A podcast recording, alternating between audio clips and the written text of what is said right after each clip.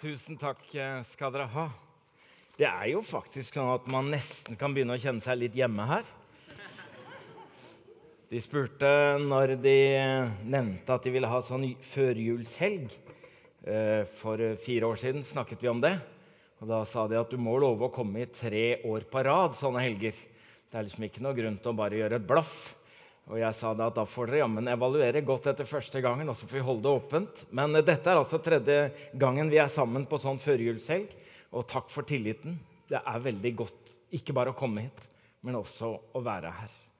Og det er noe med Imi-kirka som betyr noe for hele landet, og som er til inspirasjon for så mange av oss, og har vært det gjennom veldig mange år. Tusen hjertelig takk skal dere ha. Og så tenkte jeg i formiddag da, at vi skulle fortsette denne førjulshelgeprekinga. Eh, dette at jeg ble kalt smultringpastor i stad, har jo selvfølgelig naturlige årsaker.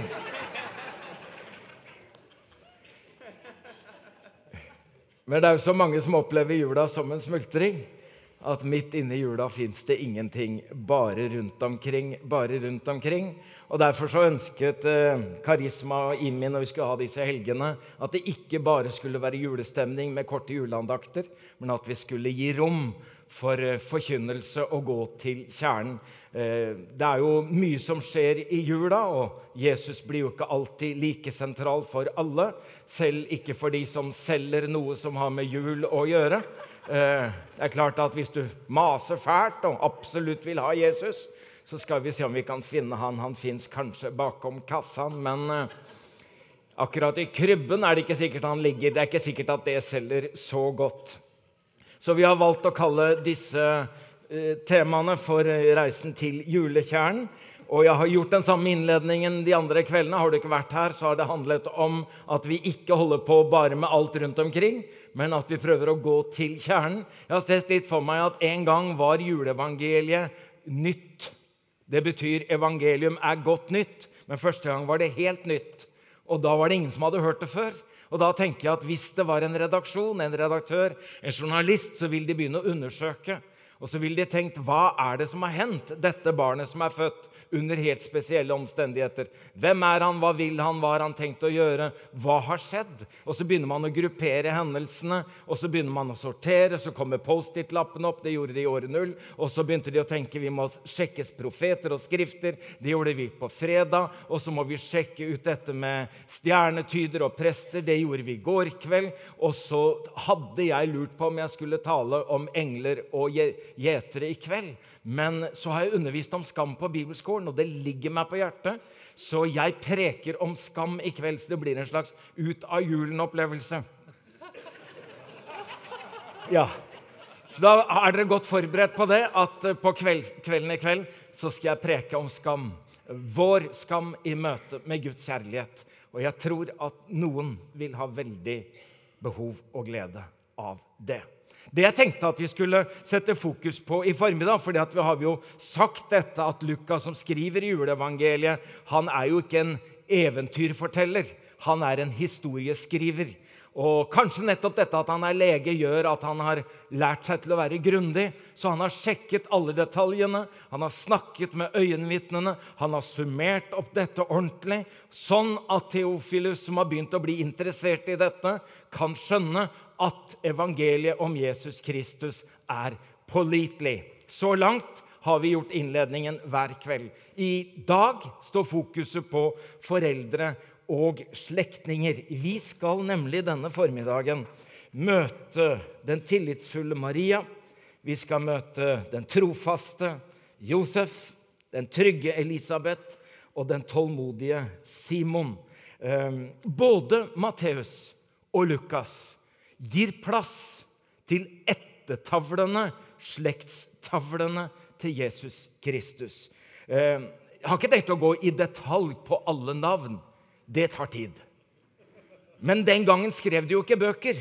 Så for å gjøre det enklere å huske, så grupperte de ettertavlene i tre grupper.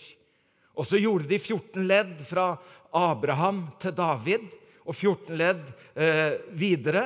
Og så skulle de ha tre ganger 14 ledd fram til Kristus. Og det er på en måte jødenes historie inndelt i tre. Det er også hele menneskehistorien inndelt i tre. Det handler om skapelse, det handler om fall, og det handler om frelse. Det ligger i denne ettertavla i slektsregistrene. Eh, dette var viktig for jødene. Dette at man kunne bevise at det finnes en linje fra Josef, fra Maria, bakover i tid. Altså, Skulle du være prest i Israel, så måtte du ha en ubrutt linje helt tilbake til Aron. Det nytta ikke å jukse.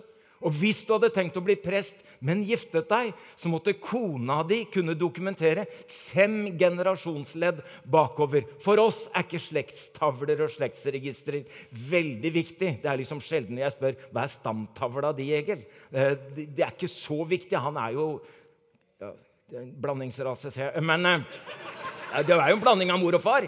Ja, det var det jeg tenkte på. At Jeg kan si så mye surr, altså. Eh, det står ikke i manus, dette. Eh, men det er altså det som hender. Eh, og så kommer dette med slektsgreiene for jødene, som var viktig.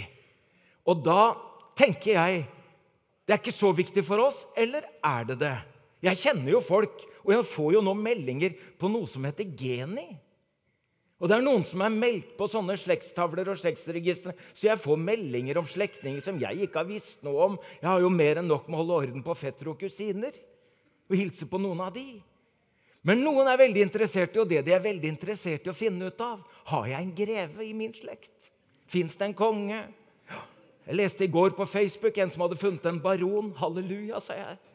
Så heldig du er. Så heldig du er. For vi vil jo gjerne finne disse som har betydning i slekta vår, og som kan gi oss et lite løft. Vi er i slekt med en eller annen. Og der er jo slektsregisteret ganske viktig. Så når vi får se ettertavlen til Jesus, så er det noe som forundrer oss. Det første som forundrer oss, det er at i den ettertavlen er det i et rom for kvinner. Det var jo ikke vanlig i jødiske ettertavler.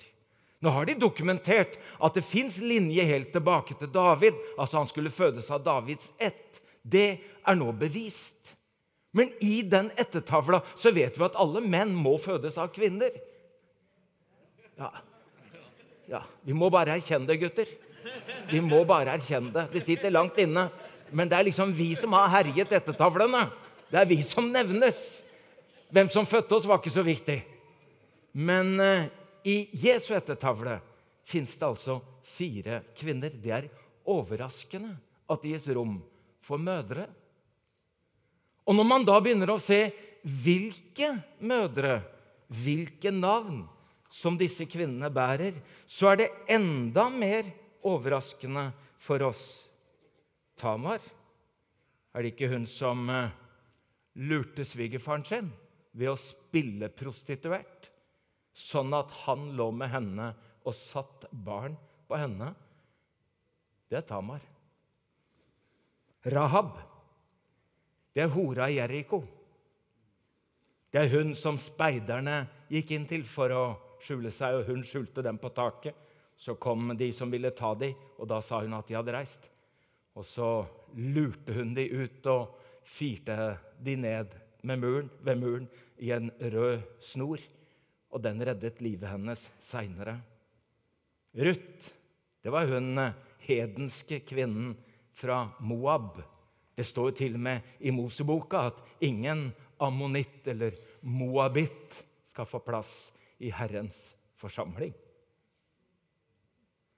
Og så kommer Urias hustru, Batseba. Det var hun som eh, falt for kongen, David som eh, lurte både henne og mannen hennes, Urias. Dette er slektstavla til Jesus. Det er rom for menn og kvinner. Det er rom for hedninger og jøder. Det er rom for hellige, og det er rom for syndere. Og han vedkjenner seg oss alle. Vi hadde bedt til Jesus med en i Kristiansand som het Jonny. Han hadde levd et ganske turbulent liv, selv om han var ganske ung. Jeg husker onsdagskvelden. Han hadde vært frelst i tre uker. Skal holde et vitnesbyrd. Og når han står fram litt sånn hjelpeløs, nervøs, så sier han i min familie er det bare surr. Fattern har drukket så lenge jeg kan huske. Det har også onklene mine gjort, og brødrene mine begynte tidlig på stoff, og sjøl har jeg surra altfor mye. Og så sier han at men nå har jeg møtt Jesus, så med meg så begynner en ny slekt. så tenker jeg den nye slekta begynner ikke med deg, Jonny. men jeg skjønner hva du mener. Du har fått en annen far. Du har fått en storebror som heter Jesus Kristus. Og det at vi er stolte av å ha Gud til far, det er ganske forståelig. Det at vi kan skryte av at i slekta mi har jeg en som heter Jesus Kristus, det er ikke så rart. Men at han vedkjenner seg meg, det er jeg mest glad for. Han stryker meg ikke av slektsregisteret sin. Det har kommet en inn i syndeslekta vår. En som heter Jesus. Og han heter Jesus fordi han skal hete det han skal gjøre. Han skal frelse oss fra våre synder. Nå vet jeg at dere er på grensen til et halleluja. Jeg vet det, men, men dere klarer å knipe igjen, og jeg syns det er litt fint. Bare dere ikke fiser i krokene, så er det greit.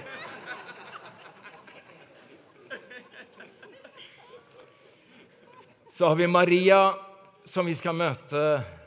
Og jeg har valgt å kalle henne Maria den tillitsfulle. Jeg vurderte om jeg heller burde kalle henne Maria den tøffe, for hun blir av og til litt for sart. Hun blir av og til litt for myk. Hun blir av og til litt for vakker eh, fordi vi gjerne vil opphøye henne.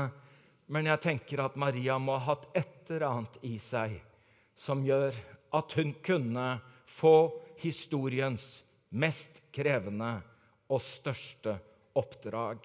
Det er jo ikke bare at kvinnene fins i ettertavla bakover hos Jesus. Men eh, hans mor er kvinne. En ordentlig tøffing, en tillitsfull jente. Vi tror av omstendighetene at hun kan ha vært en tenåring. Det antydes at kanskje hun til og med har vært en tidlig tenåring, i og med at de så tidlig ble lovet bort og når de ble kjønnsmodne, hadde mulighetene til å få barn, så kunne de gifte seg. Hun allerede var lovet bort til Josef, og at ekteskapet var underveis. Så tenker vi ja, hun har vært ung. Ja, hun kan ha vært en tenåring. Og så står det Men da Elisabeth var i sjette måned, ble engelen Gabriel sendt fra Gud til en by i Galilea som het Nasaret til en jomfru som var lovet bort til Josef, en mann av Davids ett. Jomfruens navn var Maria. Jeg treffer jo en del som sier at de er kristne, men som sier jeg tror selvfølgelig ikke på jomfrufødsel. Og så tror de selvfølgelig heller ikke at Jesus gikk på vannet. Det går liksom en grense. Men for meg er det jo sånn at hvis Jesus bare er et menneske, så tror jeg heller ikke på jomfrufødsel. Men hvis Jesus er Gud, så skulle, det bare ikke, skulle det bare mangle om han ikke kunne ordne med en jomfrufødsel. Altså, Er du Gud, så bør du kunne gå på vannet, eller så begynner jeg å tvile. Så det handler egentlig ikke om du tror på jomfrufødsel eller om Jesus går på vannet. Det handler om du tror at Jesus er Gud eller bare et menneske. Og I denne sammenhengen skal han jo ikke bare være Marias menneskesønn, men han er gudesønnen. Og fordi han er gudesønnen, er han født av Gud og født av mennesker. Gud og menneske på samme tid. Ordet ble menneske og tok bolig iblant oss. Tenk at det største, vanskeligste oppdraget har Gud betrodd en kvinne. Og ikke bare en kvinne, men en veldig ung kvinne. En jente i tidlig tenår. Kanskje hun her ser for yndig ut. Kanskje hun her allerede er for gammel. Men jeg tenker responsen som hun får på kallet, det er dette at du skal ikke frykte Maria, for du har funnet nåde hos Gud. Jeg tenker denne engelen må ha på en måte vibrert. Jeg vet ikke hvordan det er å jobbe i Norsk Tipping. Men hvis jeg skulle hatt en jobb i Norsk Tipping, så ville jeg sagt jeg vil gjerne ha den jobben som er den han som ringer til de som har vunnet. Er det mulig? Altså, det er ålreit. Jeg vet at noen må drive med innkreving av penger, og sånn, og noen må jobbe litt sånn på, på den sida. Det har liksom ikke vært min drømmejobb. Men det der å gå på jobb om morgenen og tenke 'Hvem skal jeg ringe i dag som har vunnet halvannen million', da? 'Hvordan er det med deg, fru Andersen?' Den følelsen får jeg litt at denne engelen har. Wow! Hva er det med deg, Maria? Hva har Gud sett i deg?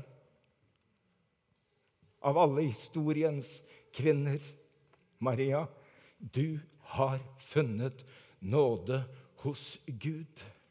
Jeg vet ikke hvordan du oppfatter et oppdrag. At det er en slags straff fra Gud. Har du kall eller er plaget på annen måte?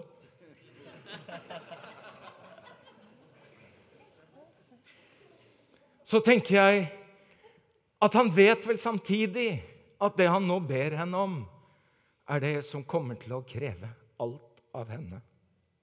En merkelig situasjon. Du har funnet nåde, men dette er det vanskeligste vi kan be deg om. Dette kommer til å kreve. Det er nesten som samtalen mellom Jesus og Peter på strandkanten Johannes 21, hvor Jesus spør Peter elsker du meg, så tenker vi at det er en slags gjenopprettelse for de tre gangene han fornektet. Ja, det kan være. Men det kan også være at Jesus spør er du så glad i meg, Peter, at jeg kan be deg om noe som kommer til å koste deg livet? Er det helt sikkert at jeg kan spørre deg om dette. Da må jeg be deg om å være hyrde for mine sauer.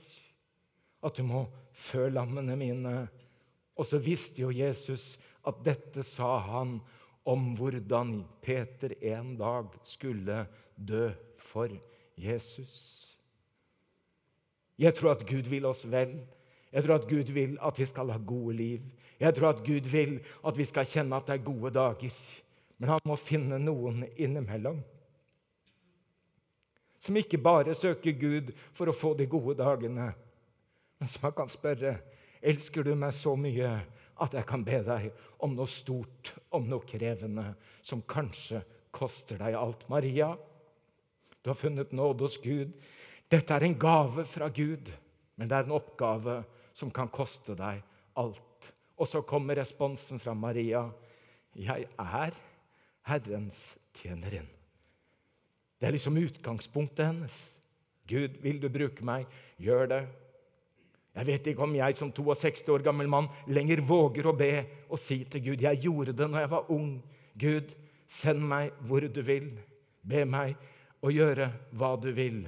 Eh, og nå er jeg ikke sikker, for nå bruker jeg ofte å si Herre Jesus, send meg hvor du vil, men la meg bo i Oslo. Og helst ha en god pensjon. Jeg kjenner at jeg begynner å få litt trangere rammer. Maria hadde ingen rammer. Maria hadde ingen betingelser. Jeg er Herrens tjenerinne. La det skje med meg, som du har sagt. Men det er klart, hun er jo ikke uten spørsmål. For det store spørsmålet er jo hvordan skal dette skje, liksom? Hadde jeg fått hjelp av Josef, kunne vi kanskje fått til noe. Men eh, hvis jeg ikke skal få hjelp av Josef, så lurer jeg jo på hvordan kan det umulige skje? Og Det er det store spørsmålet man ofte spør når Gud kaller og Gud ber oss om noe som vi tenker det har jo ikke jeg ressurser til, det har jo ikke jeg evner til, det der kan jo ikke jeg, det der får jo ikke jeg til. Gud, det du viser meg nå, det du sier til meg nå, det klarer ikke jeg. Hvordan skal det gå til? meg. Og da tenker jeg at svaret nesten alltid er det samme. Det er ikke deg, Maria, men det er Gud i deg. Det er Gud gjennom deg, for Den hellige ånd skal komme over deg. Og den høyestes kraft skal overskygge deg. Derfor skal barnet du føder, kalles Guds sønn. Det er Den hellige ånds verk i deg og gjennom deg. Og jeg hørte igjen et stille halleluja som ble borte underveis. Arild Edvardsen sa det. Arild Edvardsen sa det. Han sa det. Dine visjoner må være så store at det er plass til Gud i dem.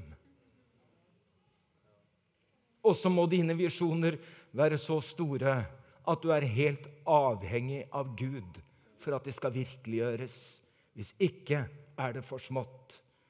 Noen av oss har tenkt er det mulig? Jeg var i en kallsprosess i 1995 hvor jeg syns at Gud ribbet meg for alt samtidig som han hadde bedt meg om noe stort. Jeg dro på Liagård, en retreatgård oppe i Østerdalen, og kom med ekstremt mange forslag for Gud og hadde til og med notatblokk både på nattbordet og med meg inn i skauen og skrev Gud, kanskje vi kan gjøre det sånn.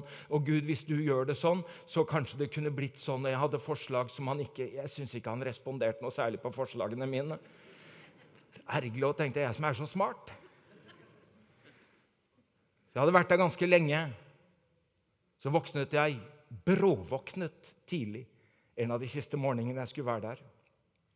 Jeg trodde at jeg hørte en stemme utenfra. Det er ikke sikkert. Men jeg våknet av en stemme som jeg gjentok. Han visste selv hva han skulle gjøre. Det er en meningsløs setning. Han visste selv hva han skulle gjøre. Og plutselig sto det klart for meg at dette må Jesus ha sagt. Jeg aner ikke hvor i hvilken sammenheng. Men det var som om han visste selv hva han ville gjøre. Som om jeg var overbevist om at det der var Jesus. Og fra storm ble det stille, selv om ingenting var løst. Og så satt jeg og leste Johannes 6 om da Jesus mettet 5000. Og Philip står og sier, 'Hvordan skal vi få kjøpt mat til så mange av Jesus?' Når det er 5000 folk her, det er utrolig mye, det. Da sa han noe for å sette Philip på prøve, men han visste selv hva han ville gjøre. Årene som fulgte, sto jeg ofte ved et veikryss hvor jeg ikke visste hva jeg skulle gjøre. Da minnet jeg Jesus på hva han hadde sagt. Du vet jo selv hva du vil gjøre, Jesus. Kom igjen. Nå er det din tur. Vi skal møte Josef den trofaste. Han kunne jo også hete Josef den eh, tøffe. For kanskje han også blir litt bleik der i bakgrunnen. Kanskje han også blir altså Jeg mener ikke han her. Han var jo tøff nok. For ikke snakke om han engelen oppi der. Så vi har møtt Josef allerede i dag. Men denne Josef-mannen, denne Josef-figuren, han imponerer meg stadig mer. Vi vet at de som vi hadde kanskje mer av før, at når vi skulle gifte oss, forlovet vi oss først. Selv om forlovelsen vår var mer uforpliktende, så var forlovelsen i den jødiske tradisjonen forpliktende. Det betyr at om man var utro i forlovelsestiden, så måtte man skilles i den sammenheng at mannen f.eks. hadde rett til å gi et skilsmissebrev. Det kunne gis offentlig ved å skandalisere henne eller han som var vært utro, eller det kunne skje i stillhet. Josef var av den typen som tenkte hvorfor skal jeg gjøre det verre for Maria nå når hun har vært utro? Jeg skiller meg fra henne i stillhet. Og det er da engelen kommer på besøk og taler til han. Med Jesu Kristi fødsel gikk det slik til. Hans mor Maria var lovet bort til Josef, men før de var kommet sammen, viste det seg at hun var med barn ved Den hellige ånd. Josef, mannen hennes som var rettskaffen og ikke ønsket å føre skam over henne, ville da skille seg fra henne i all stillhet. Han trodde jo i utgangspunktet selvfølgelig at Maria hadde vært utro. Han ville gå fra henne, men han ville ikke skandalisere henne. Han får englebesøk. Engelen taler til, henne, til han, og han blir overbevist om at Maria har snakket sant hun er blitt befruktet av Den hellige ånd. Og da Josef våkner av søvnen, gjorde han som Herrens engel hadde pålagt ham, og tok henne hjem til seg som sin kone. Han er tøff, Josef, som stiller opp for Maria. Jeg lurer på visste du alt dette, Gud, på forhånd? Var det dette du hadde ventet på? Å finne en jente som ville si ja? Og en mann som ville ta på seg oppdraget å være fosterfar, være stefar, være adoptivfar når det trengtes, å behandle sin forlovede som sin hustru og ta den støyten som nå ville komme. For dette varslet storm. Nå kom herjinga til å skje. Nå kom familiene, nå kom bygda, nå kom folkesnakket, nå kom oppslagene. Nå blåser det fra alle kanter. Josef! Maria trenger deg mer enn noen gang. Stå opp, Josef. Beskytt henne. Beskytt barnet. Ofre ditt navn, ditt gode rykte. Ja, tar til og med sjansen på at butikken kanskje kan gå i underskudd i denne perioden, men stå opp for Maria Josef. Og det gjør han, tøffingen, tøffingen Josef. Og så kommer flukten 13 Nei, først reisa til Betlehem. 13 mil på eselryggen. Det er for tøffinger. Det er for tøffinger.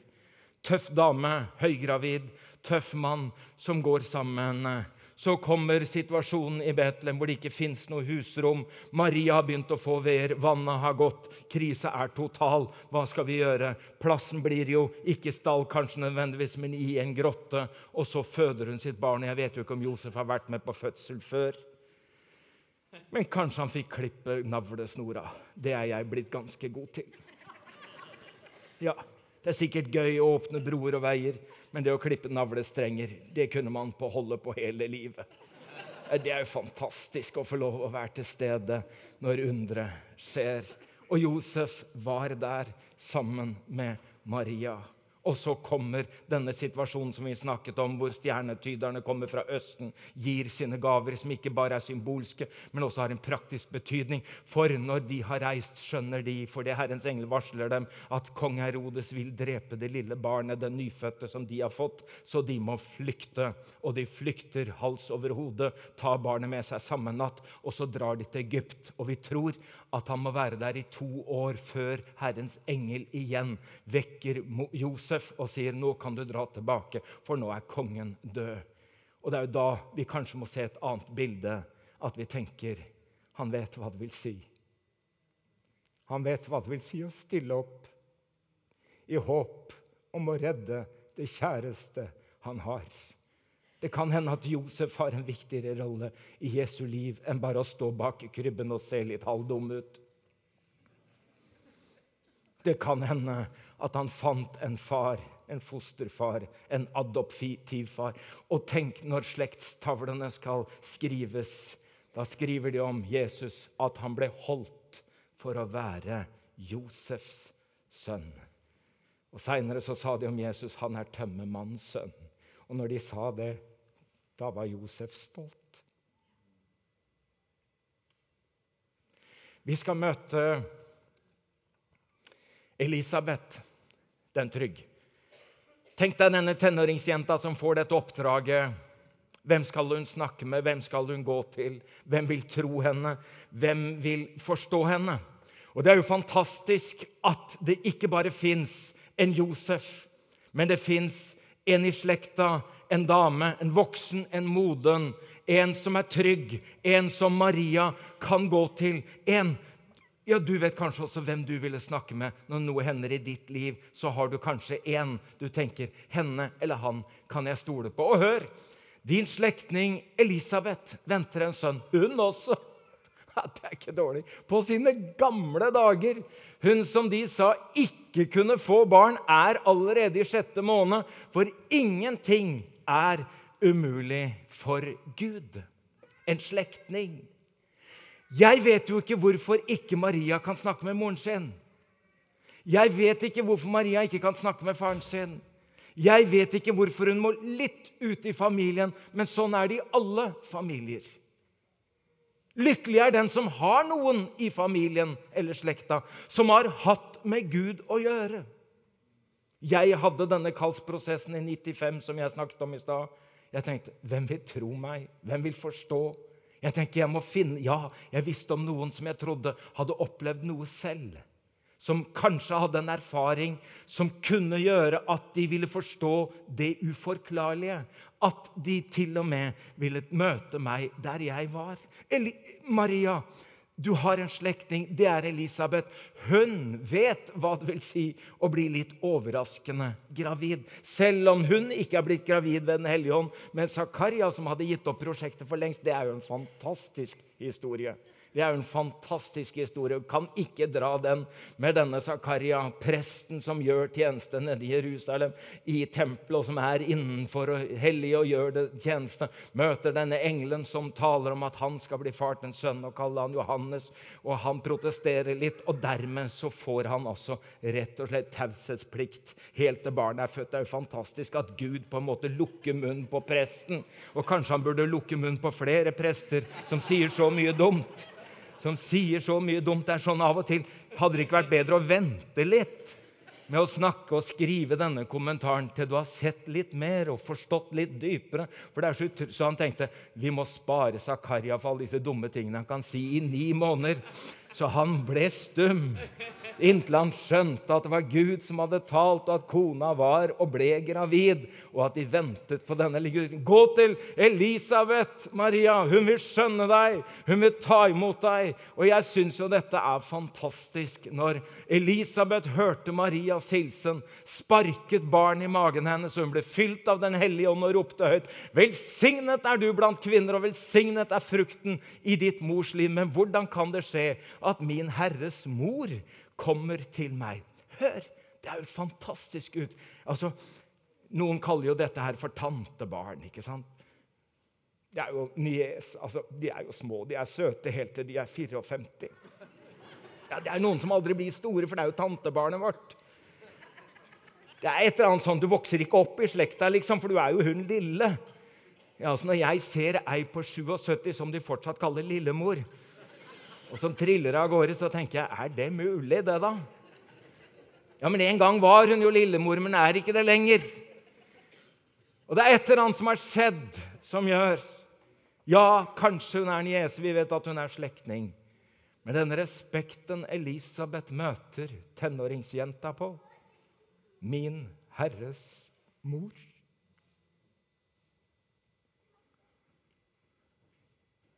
At vi har respekt for professorer og folk med titler og folk som har oppnådd noe og prestert noe, det er nesten en selvfølge.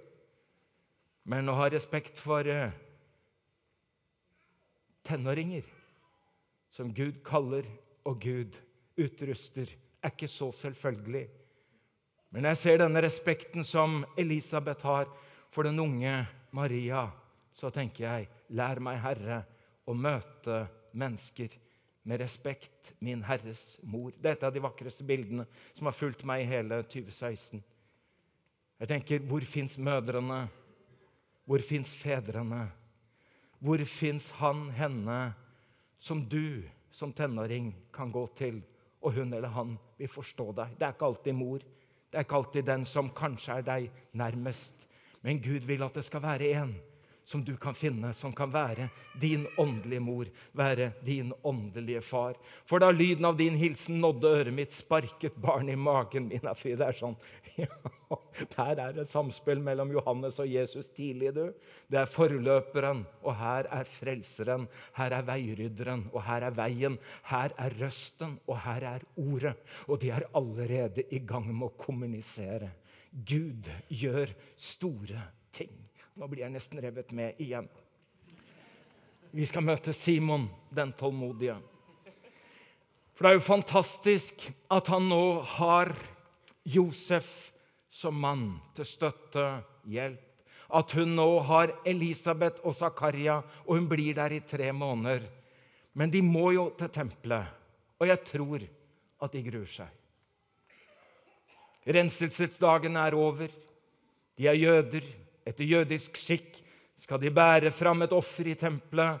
Bære lillegutten, som er førstefødt gutt. Det skal til tempelet etter renselsesdagene og bære fram dette offeret. Og så lurer jeg på om disse to unge er litt usikre. Hva skal vi si når de spør hvem er faren?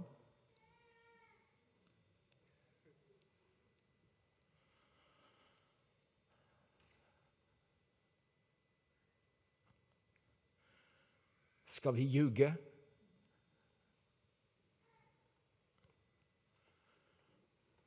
Blir vi avvist? Blir vi sendt hjem?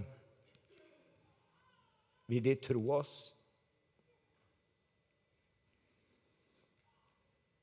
Det er mange som har tenkt det. Hva skjer hvis jeg kommer? Jeg fulgte en mann på dødsleiet i Kristiansand som hadde levd på solsida i byen.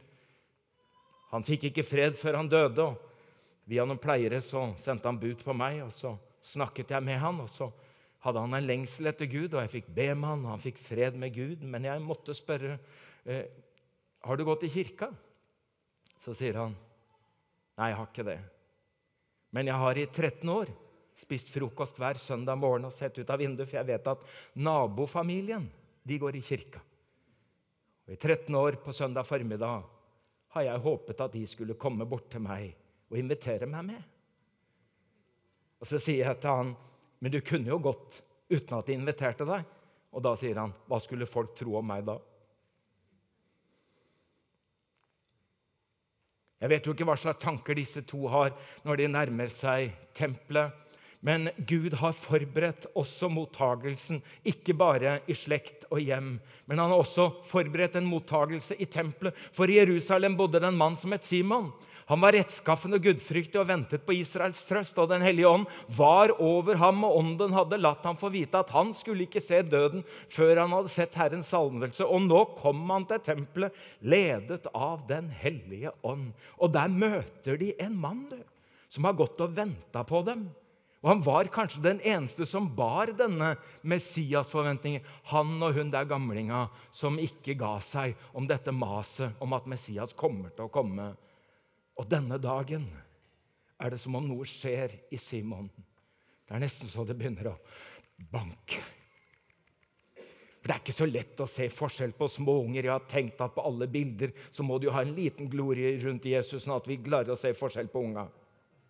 Men jeg tror jo ikke at det egentlig var noe glorie rundt hodet på Jesus. Jeg tror at han så helt alminnelig ut. Han bæsja i bleia, og han var akkurat som alle, alle andre babyer. Men hvordan så du det, Simon? Nei, jeg så det vel kanskje ikke, men jeg kjente det. Det er i dag. Det er disse Det er han. Og dette er barnet. Og Så tar han dette barnet i sine hender og så sier han, 'Nå lar du din tjenerfar herfra i fred, slik som du har lovet, for mine øyne har sett din frelse.' Og Da har jeg lyst til å spørre deg, Simon, hva er det du har sett? En liten baby har ikke sagt et ord, har ikke gjort et under. Tenk på alle som så så mye. Du så bare et lite barn. Så egentlig ingenting, men i det barnet så du alt. Det var han du hadde gått og ventet på. Det var ikke så viktig å se det, det var ikke så viktig å høre det, det var ikke så viktig å være til stede, det var ikke så viktig å få det bekrefta, for du visste det. For Den hellige ånd hadde latt deg få vite med de profetiske ord og profetiske utsagn, og med Den hellige ånd over ditt liv, så visste du at i dette barnet er ikke bare Israels frelse, men i dette barnet er hele verdens frelse. Og jeg har sett det. Hva har du sett? Av og til så er det sånn at når vi blir gamle, så har vi en fristelse til å snu oss fordi vi har så mange minner, og så syns vi at framtida er så kort. Og Desto kortere den blir, desto mer har vi å snakke om av det som skjedde. Det er helt naturlig. Gamle skal ha minner. Det er fint. Men overnaturlig er når Den hellige ånd kommer over oss. Da skal vi ikke bare ha minner, men når Herren utøser av sin ånd over alle mennesker, og også over oldingene, da får oldingene drømmer. Og det er ikke naturlig, det er overnaturlig. Det er når du selv begynner å drømme om det som skjer utover din egen levetid.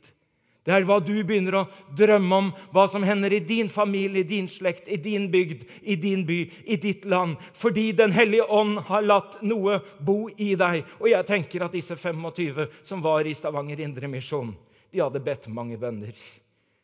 Og ikke mange av de har fått lov å være med veldig lenge. Men mange av de så kanskje et eller annet. Hva er det du ser, Simon? Jo, jeg ser Guds frelse. Og så er jo denne dama på 84 i nærheten av. Hun kan se sånn ut. Jeg tenker ja, det er mulig. Anna Fanuels datter på 84 som holder på, og nå begynner hun å prise Gud. Og det er jo fantastisk. Men hun behøver ikke å se sånn ut. Hun kan også se sånn ut. Ja, jeg tenker, ja, da tenker jeg jeg, tenker det er kanskje sånn hun ser ut i våre dager.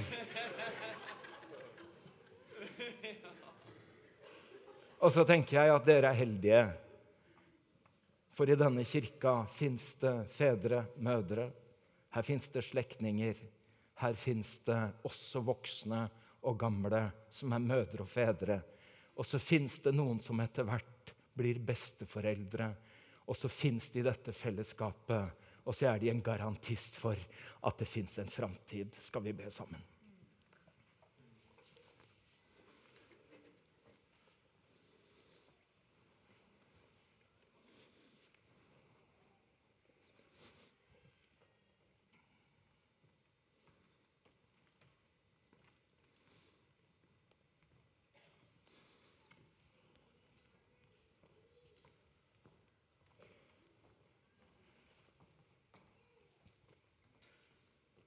Herre, jeg takker deg for fortellingene som følger oss, og som lever i oss. Takker deg for de mellom oss som kjenner at du har talt om et kall, et oppdrag. Virker for stort, for umulig. Takker deg for de som du kaller til å være støtte og hjelp. Være fedre, også for de som ikke er deres egne biologiske barn. Takker deg for slektninger, tanter, onkler, de som fins av voksne, foreldre, som fins for andre. Og så takker jeg deg for at også i denne forsamlingen har noen som har levd lenge, men som er fylt av Den hellige ånd. Og som klarer å se og kjenne og gjenkjenne, bekrefte og velsigne. Takk at vi skal ta imot de gaver du gir oss. Takk at vi skal få lov å gjenkjenne de ordene du taler til oss. Og takker deg, Jesus, for at vi skal se din frelse. I Jesu navn. Amen.